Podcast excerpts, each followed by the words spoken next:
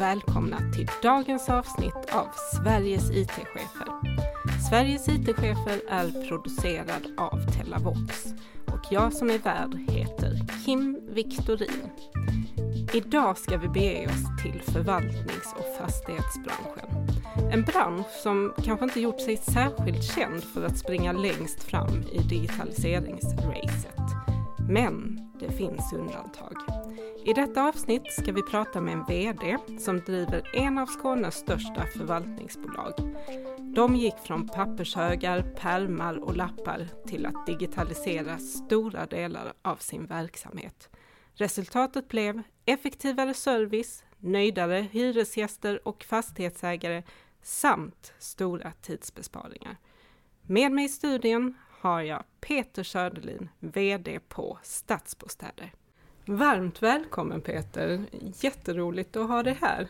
Tack så mycket, trevligt att vara här. Ja. Jag ska ju inte sticka under stol med att vi känner varandra sedan tidigare. Eh, vi är ju gamla barndomsvänner och idag är du ju VD och jag är inte så mycket. jo, jag jobbar på marknadsavdelningen. Ja, jo, du sitter ju här. Så, ja, så att, eh, ja. Absolut. Ja.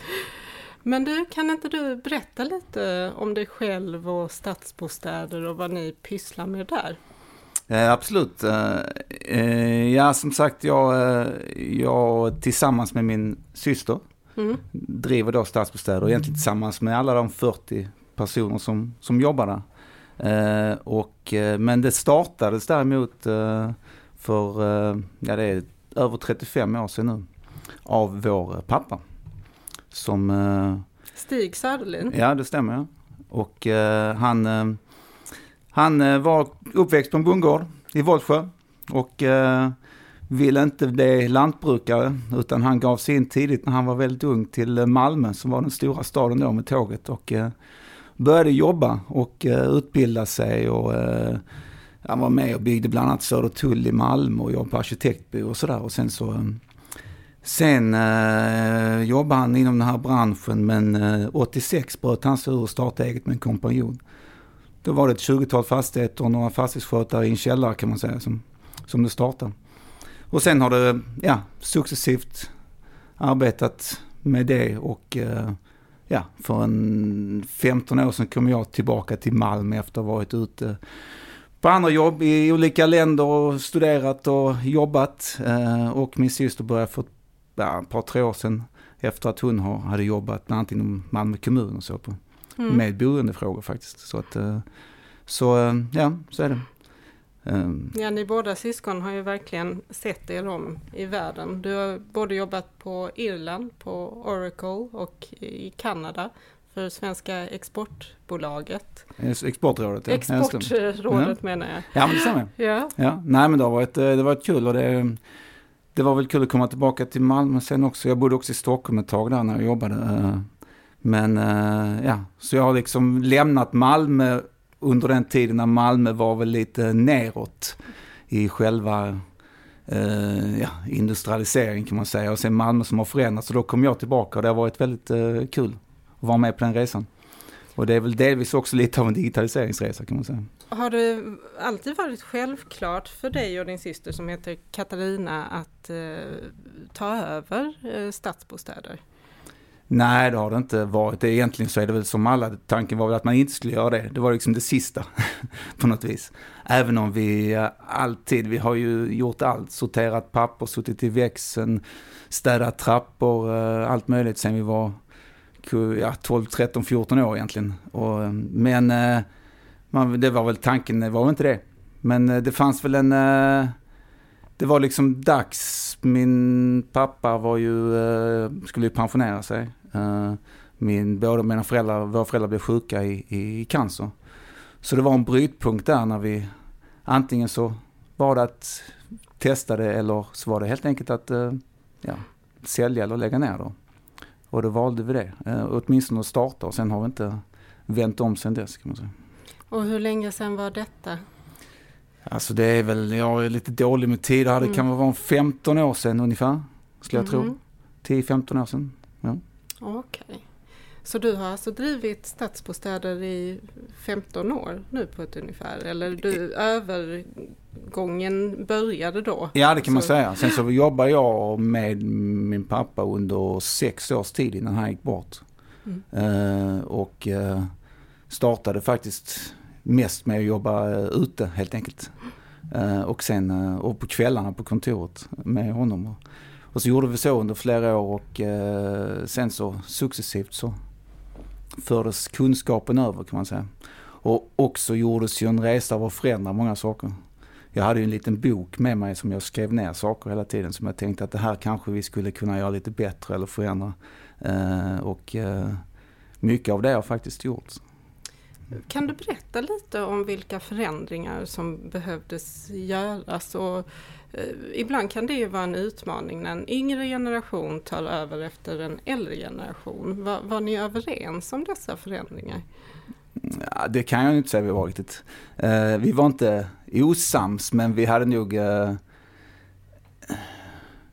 Alltså vi hade väl samma kanske vision om att vi att hela tiden drivkraften utvecklas men eh, men eh, vi var väl inte, alltså vi såg det väl inte på samma sätt. Det var ju inte, det var ju liksom inte att digitalisera saker som var så intressant.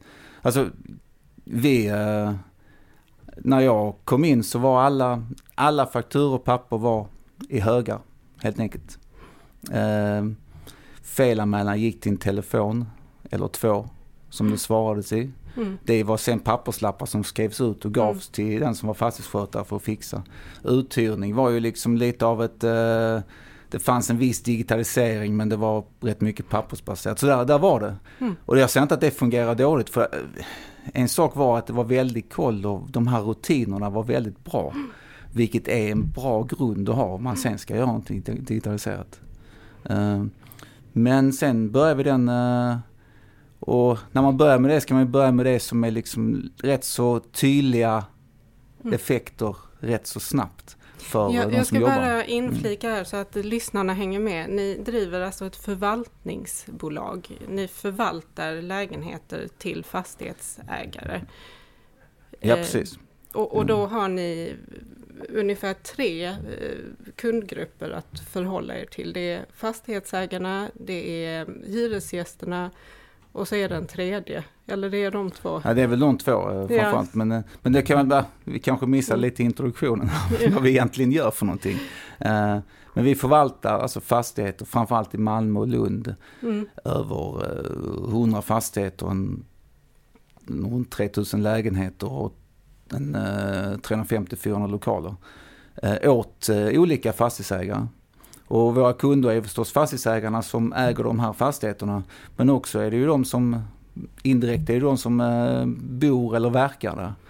Och vår, eh, vår roll är ju att eh, se till så helheten fungerar när det gäller fastigheterna. Och se till så de är lönsamma och bra underhåll och att de som bor där trivs helt enkelt. Och det är ju en balans som det gäller att hålla. Och då har vi inte många lite mindre fastighetsägare och många eh, familjeägda hus och så. Vi har även bostadsrättsföreningar. Så det är, det är det som vi gör och då gör vi eh, från början har vi liksom haft eh, både ekonomi, uthyrning, administrativa och skötsel. Det vill säga fastighetsskötsel, trädgård och reparationer och så. Så det är en helhet Mm. som vi försöker leverera. Så ni har både ekonomi och det operativa i Precis. förvaltning och, och Ja. så. Mm. Ja, det är ju väldigt mycket att hålla reda på, 100 fastigheter. Ja. Kan jag tänka mig.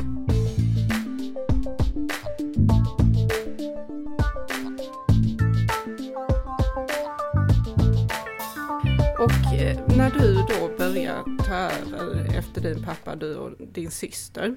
Så jag känner ju Stig också och jag vet ju om att han är en fantastisk entreprenör men inte så bevandrad inom just digitalisering och, och så. Och han ägde ju inte ens en dator utan han hade ordning och reda på sina papper i pärmar och pappersfakturor och så vidare som du tidigare berättade. Eh, Det måste ju ha varit en enorm skillnad för er att eh, börja digitalisera vissa delar av er verksamhet. Hur, hur började den resan? Och, Ja, den, eh, den började egentligen med, ja det är klart det var en skillnad. Men han mm. hade faktiskt en dator som stod på hans skrivbord. Men han visste inte riktigt hur man satte på den, så den stod där med för syns skull. så han var väldigt stolt över den faktiskt. En schablondator. ja, det var den äldsta vi hade, så var det som vi skulle använda annars. uh, men uh, Nej, det var ju att eh, titta på saker som att, eh, som jag sa innan, saker som kan göra effekt snabbt. Alltså vi, vi är ju inget bolag som kan ta in stora konsulter och ha en, på det viset, utan vi fick helt enkelt göra det rätt mycket själv. Börja med att eh, ändra om vår telefonväxel. Mm. Så att den var integrerad och alla hade sina mobiler. Allting var integrerat och man kunde svara på ett bra sätt och eh, boka helt enkelt reparationer direkt i Outlooken. Mm. Mm. Nu går det ut som arbetsorder i ett eh, arbetsorderhanteringssystem och så, men då, då var det Outlook och telefonväxel. Och att börja scanna in fakturorna. Eh, och detta var prio ett. Och mm. tidigare så, så hade ni öppet för hyresgästerna en timme om dagen ungefär där de fick ringa in eller hur, vad är skillnaden nu från då? Ja det är en helt annan eh, tillgänglighet. Då var det, då var det ju en eh, tre halvtimmar om dagen tror jag man kunde ha som felanmälan som vi svarade då. Sen kunde man även ringa kontoret och så men det var ju inte det var ju en eller två telefoner man ringde till så det är ju ingen som riktigt det här är ju länge sedan, men det tutar ju upptaget för det mesta. Så var det ju. Ja. Uh, och det är ju ingenting som uh, fungerar och har det så nu. Nej, mm. och sen ärendesystemet kanske inte var det effektivaste heller, att ni skrev upp mycket av ärenden på lappar och, och så rent manuellt. Eh. Ja, det blir ju, det är ju väldigt svårt att följa upp det sedan. Man vet ju inte, det blir, det blir ju risk för att uh, saker och ting tappas bort. Nu registreras ju allting och det finns en spårbarhet och man vet när det avslutas. Så det gäller ju både de som jobbar hos oss och de entreprenörer vi jobbar med. De får ju det här arbetsordnat digitalt också. Så att, eh, men det var ju ingenting vi startade med dag ett precis, utan dag ett var egentligen att se till så att alla hade en bra telefon och eh, kunde använda Outlook och eh, kalendern. Mm. Mm. Och eh, under hur många år eh, genomgick ni den här förändringsresan? Alltså det har vi gjort eh, hela tiden, men det var ju, vad ska man säga, olika platåer man kan säga. Det var inte så att vi uh, gjorde en molntjänst med, uh, med vårt fastighetssystem eller uh, liksom telefonväxeln direkt.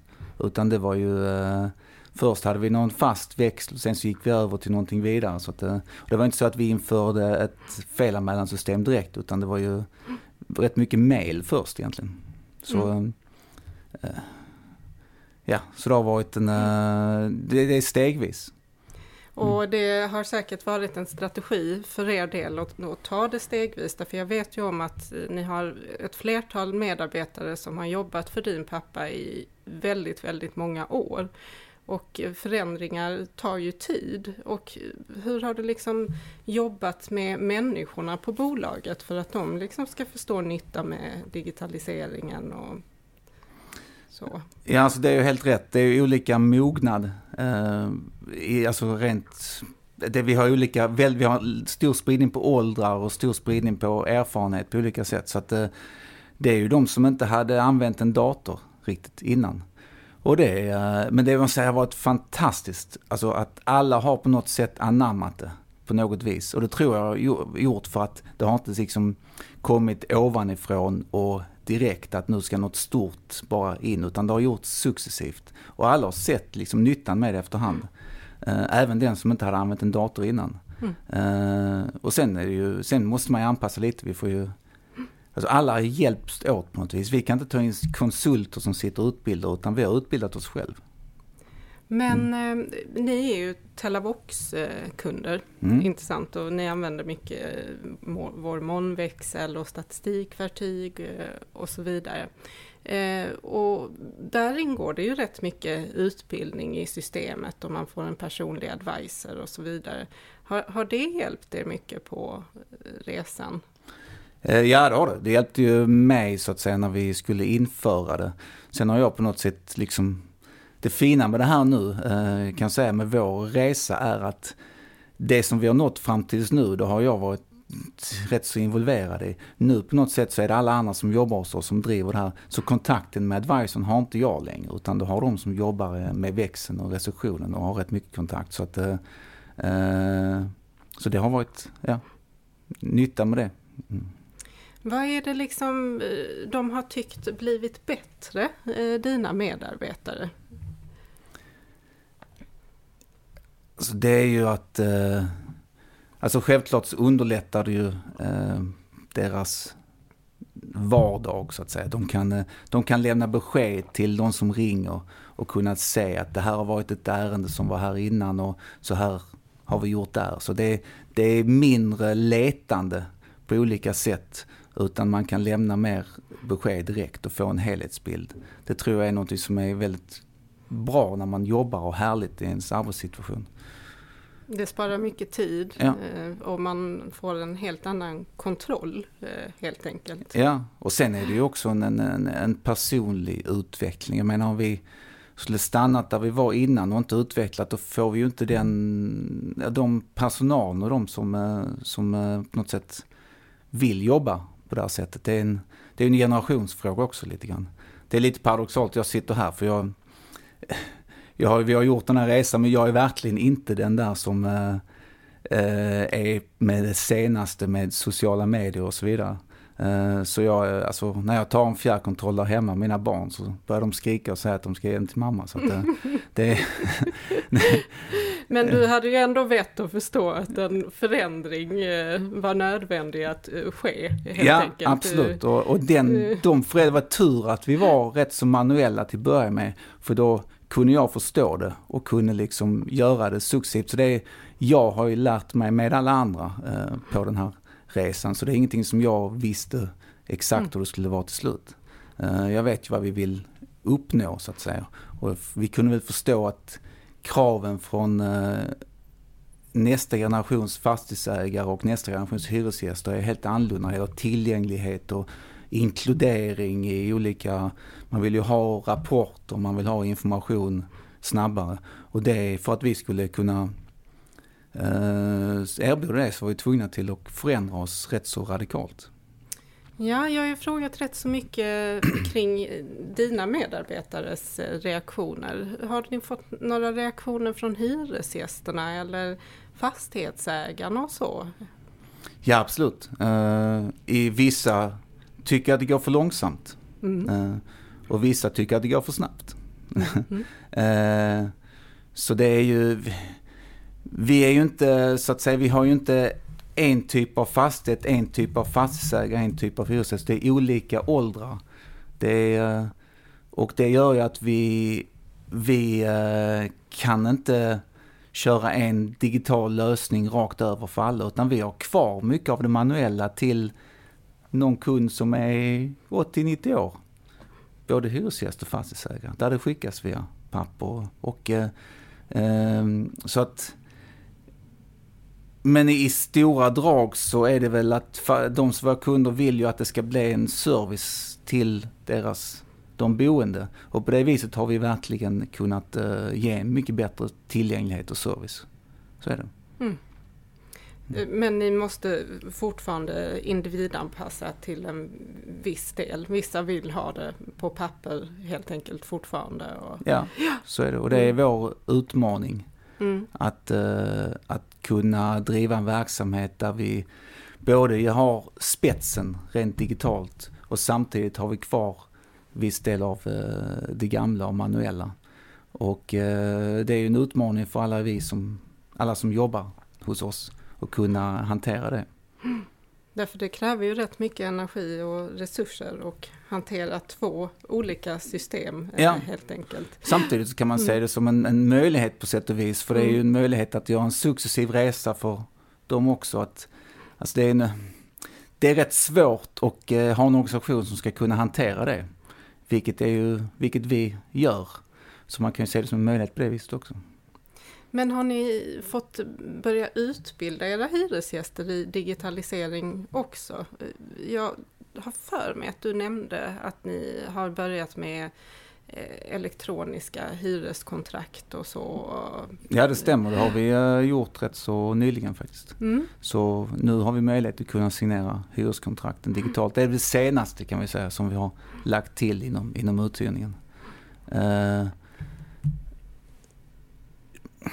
ut, ja, det beror, det har vi absolut gjort. Det beror helt på, eh, precis som eh, våra kunder eller internt, vilken mognadsgrad eh, hyresgästerna har. Eh, vissa utbildar till och med oss, så att säga, mm. i, i, deras krav som de har. Eh, så ja.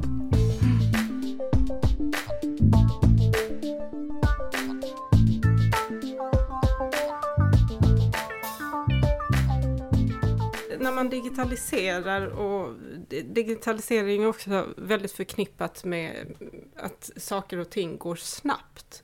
Finns det någonting som kan gå förlorat i digitaliseringen också, tycker du? Ja, det, det är precis som du säger att eh, det ska, det ska tas fram snabbt och det ska levereras snabbt. Och i den, eh, i den processen så kanske man kan tappa den här eftertänksamheten och analysen av eh, av det, den information som faktiskt tas fram. Och det, det är väl det som är en, en, en risk. Uh, och uh, om man ser den tiden när vi var på min pappas tid så att säga så uh, kanske saker och ting tog lite längre tid. Men besluten var lite mer förankrade och kanske det blev bättre resultat ibland i slutändan. Så det där är en balansgång och det är det jag säger att det är därför vi måste kombinera den utvecklingen och nytänkandet med erfarenheten. Risken är att de som sitter på, som kanske inte är så eh, väldigt duktiga, typ jag då, eh, och många andra, att vi kanske hamnar lite, alltså erfarenheten och kunskapen tas inte tillvara. Mm. Men det finns en poäng med att hålla en faktura, i att vara ute och känna för att skruva på en värmecentral och, eh, och, eh, och fixa med ett lås, även om det är digitaliserat. Och det får man inte glömma. Så Precis som vi anpassar våra lösningar till eh, Agda som är 90 och den som är 20 så anpassar vi också eh, när vi, vår fastighetsskötsel till att det inte bara är digitaliserat utan också vara ute och skruva och också titta på det faktiskt. Mm. Och, och, det finns ju ett värde i också att träffa ens hyresgäster och fastighetsägarna då in real life. Mm. Det är ju väldigt eh, något speciellt med ett fysiskt möte och det har vi verkligen fått erfara under det senaste året nu när Corona har härjat och vi inte har kunnat träffas på samma sätt. Ehm, hur har det påverkat er, pandemin?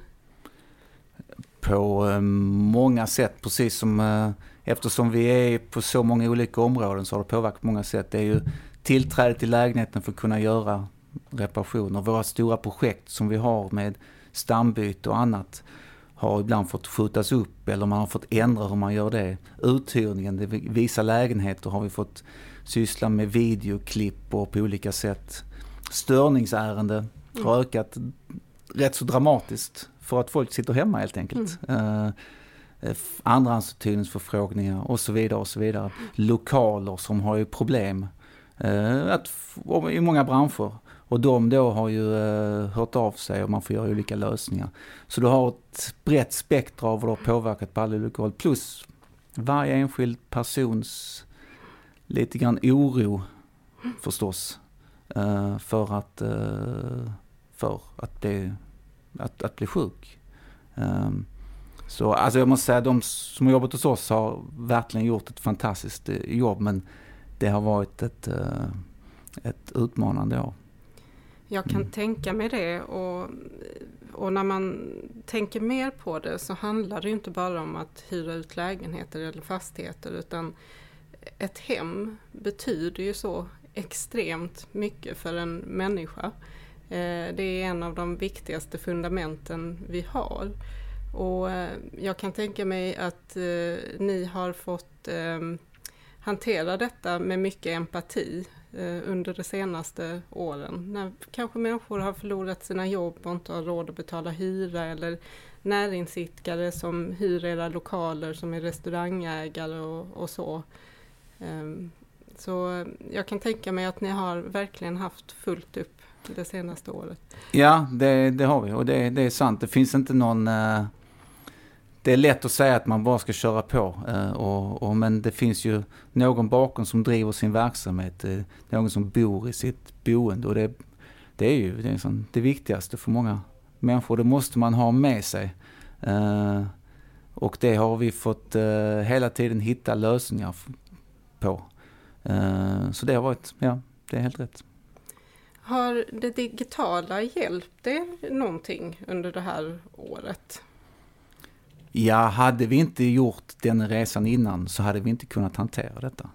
Hade vi inte haft eh, eh, så att säga uthyrningsprocessen digitaliserad och på olika sätt så hade det inte, hade det inte gått.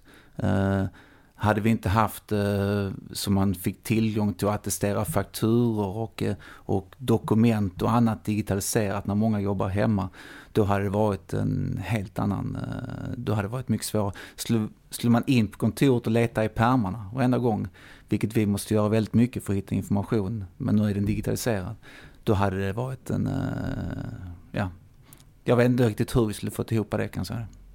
Så du är rätt tacksam för att ni påbörjade denna resa för några år sedan? Ja, och sen blir man ju varse om nu saker som man skulle velat att man gjorde accelererat, men det är lätt att säga det uh, nu.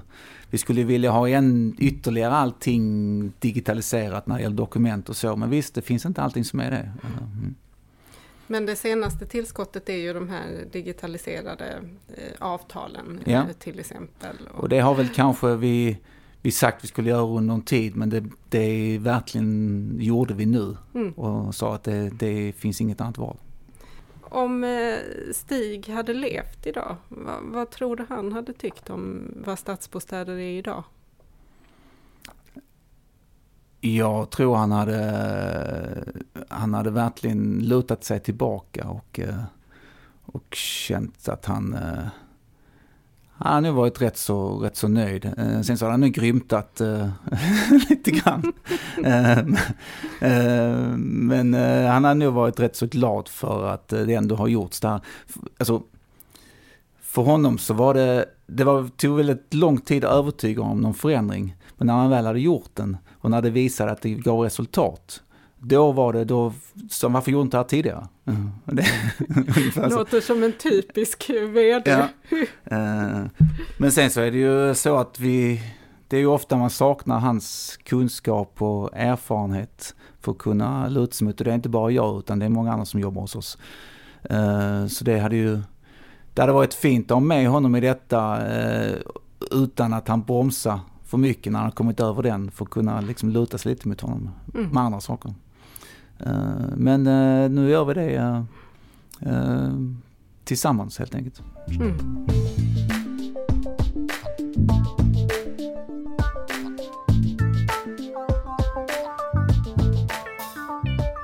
Om vi går över på liksom själva fastighetsbranschen rent generellt så har vi ju pratat lite tidigare om att digitalisera fastigheter och smarta hus och så vidare. Och då har jag haft en del tankar eh, kring det, både till exempel att automatisera förvaltningen och att man ser eh, har koll på vad hyresgästerna producerar eller hur mycket de använder el och så vidare till appar där man kan se liksom vad som händer i närområdet, vilka restauranger som finns och så vidare. Kan du berätta lite mer om liksom visionen där? Ja, eh, jag tänker att traditionellt, eller så som man nu fortfarande tänker om man mm. äger en fastighet ofta, och som vi också tänker, det, det är en yta. Yta som ska fyllas med någon som ska betala en hyra. Det kan vara en verksamhet eller någon som bor. Men jag ser mer att det är mer än en yta, det är alltså en, en, en tjänst. En tjänsteplattform, låt oss säga det med ett lite fint ord. Uh, så ovan, inne i den här ytan så är det människor som bor som då det, är liksom, det, det, är ett, eh, det är en infrastruktur för att kunna erbjuda tjänster. Mm. Uh, och då handlar det mycket om, om, uh, om informationen. Det genereras jättemycket information i fastigheterna, allt från energi, elförbrukning och så vidare och, och även de som, de som bor där. Så en, och det är lätt för kanske en stor fastighetsägare att säga det att vi, vi gör en sån här, vi, vi skapar en sån här plattform helt enkelt. Men för mindre fastighetsägare så är det ju lite svårare. Det är inte så lätt att göra det för de som har en, två. Men vi, det kan en, en förvaltare i så fall erbjuda den plattformen. Mm. Och det är ju allt från tjänster som att man vill ha hjälp med städ, med flytt, med eh, eh kanske installera IT till att eh, dela information mellan grannar och kanske varför ska alla ha varsin borrmaskin till exempel? Man kanske kan eh, kan ha en viss delningsekonomi inom den. Det mm. kanske finns erbjudanden i närområdet som man kan uh, ha inom den här plattformen. Uh, Bilpooler. Ja, laddstolpar och så vidare. Allt det samlas som tjänster och sen har vi ju att hyresrätten är ju reglerad i dagsläget. Det är liksom en yta och du betalar en hyra som är rätt så reglerad. Jag ser framför mig någonting att, att man har någon typ av grundhyra i boendet och sen så får varje individ själv bestämma vilka tjänster man väljer att, att lägga på där. Så det blir som en slags mertjänst helt enkelt. Ja. Och, och detta handlar väl i slutändan om att individanpassa? Ja, så är det. Och det är ju mm. det som vi har märkt. Att det är ju något krav från många, att många vill ha sina individanpassade tjänster. Man har en grund och sen kunna välja utifrån det. Och det, det gäller ju då att ha en plattform för att kunna göra det här på ett bra sätt. Uh, och det håller ju på att tittas på men det finns inte riktigt det så idag. Och det, det är också hur ska affärsmodellen vara för det här? Mm. Och det är det som eh, jag tror är, är, framtiden. Delvis att man ändrar om hur man ser på hyresrätten. Och också hur man utvecklar den plattformen och får det att fungera för de som vill ha tjänsterna och de som erbjuder det. Mm. Um, och eh, där kan ju, alltså där ju, kan ju fantasin, kan man ju spela fram väldigt mycket. Eh, men det är också del av en, eh, boende är ju en stor del av samhället. Vi hanterar avfall och, och eh, vi hanterar förbrukning och så. Och, och även samhällsinformation och annat är ju någonting som kan vara en del av den här plattformen. Bara hur man, busslinjer till exempel. Mm. Infrastruktur. Ja, leveranser, så det kan man få mindre leveranser. Allt det sammantaget så gör man inte bara en, då gör man ju någonting som bidrar i samhället också. Ja, det låter helt fantastiskt. Och hur pass intresserade är fastighetsägarna av detta? Därför jag har läst flera artiklar om det och det går ju i väldigt maklig takt eh, det här fast det finns enorma möjligheter.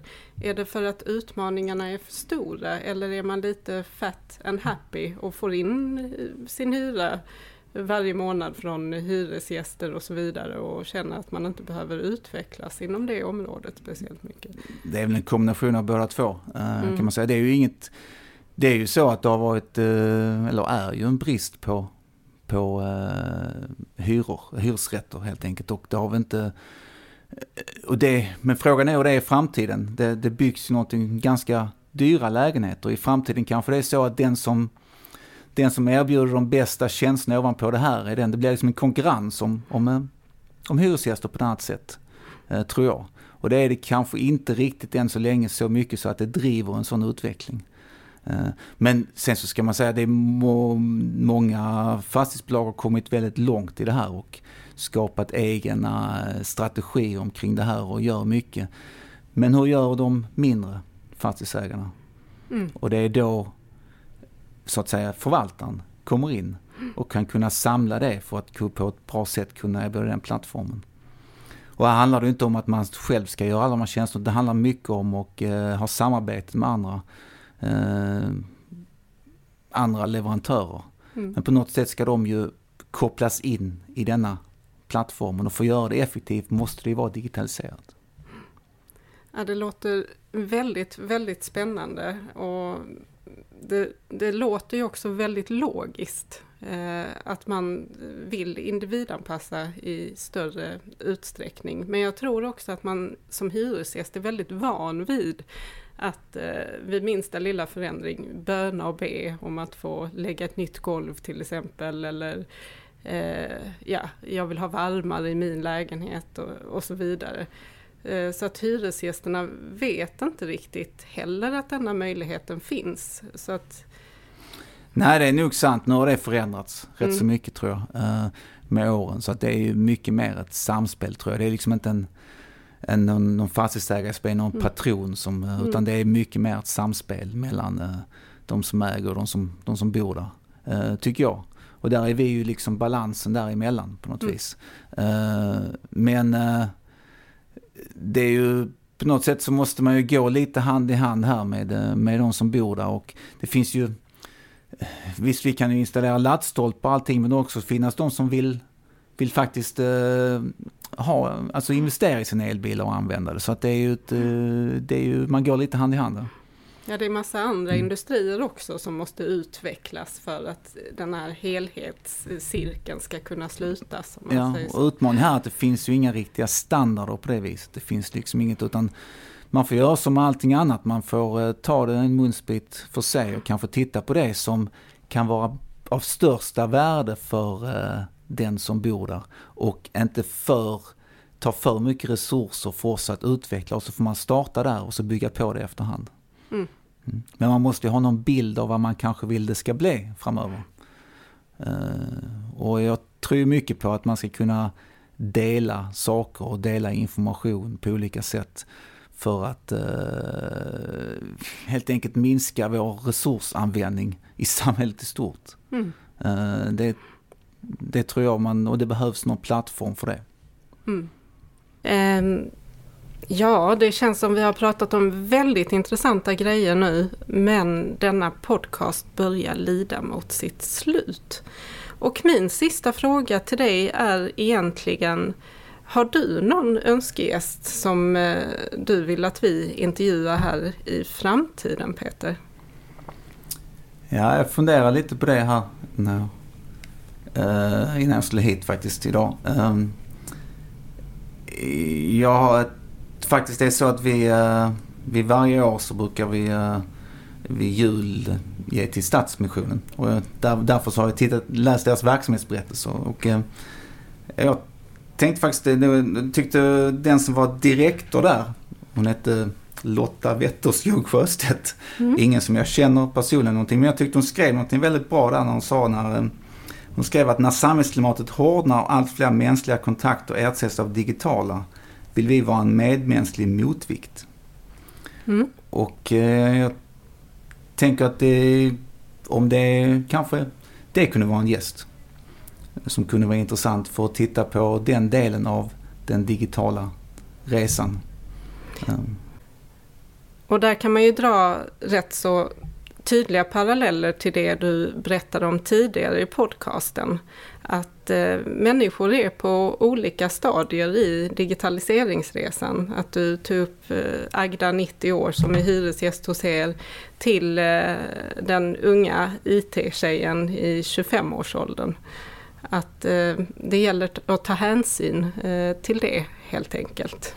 Ja, nej, jag tycker det. Det kunde vara, eh, vara intressant att få den bilden. Det är verkligen de som ser, de som kanske verkligen inte kommer fram i den här, här digitaliseringen kan hamna i kläm. Så det hade varit, det hade varit intressant tycker jag.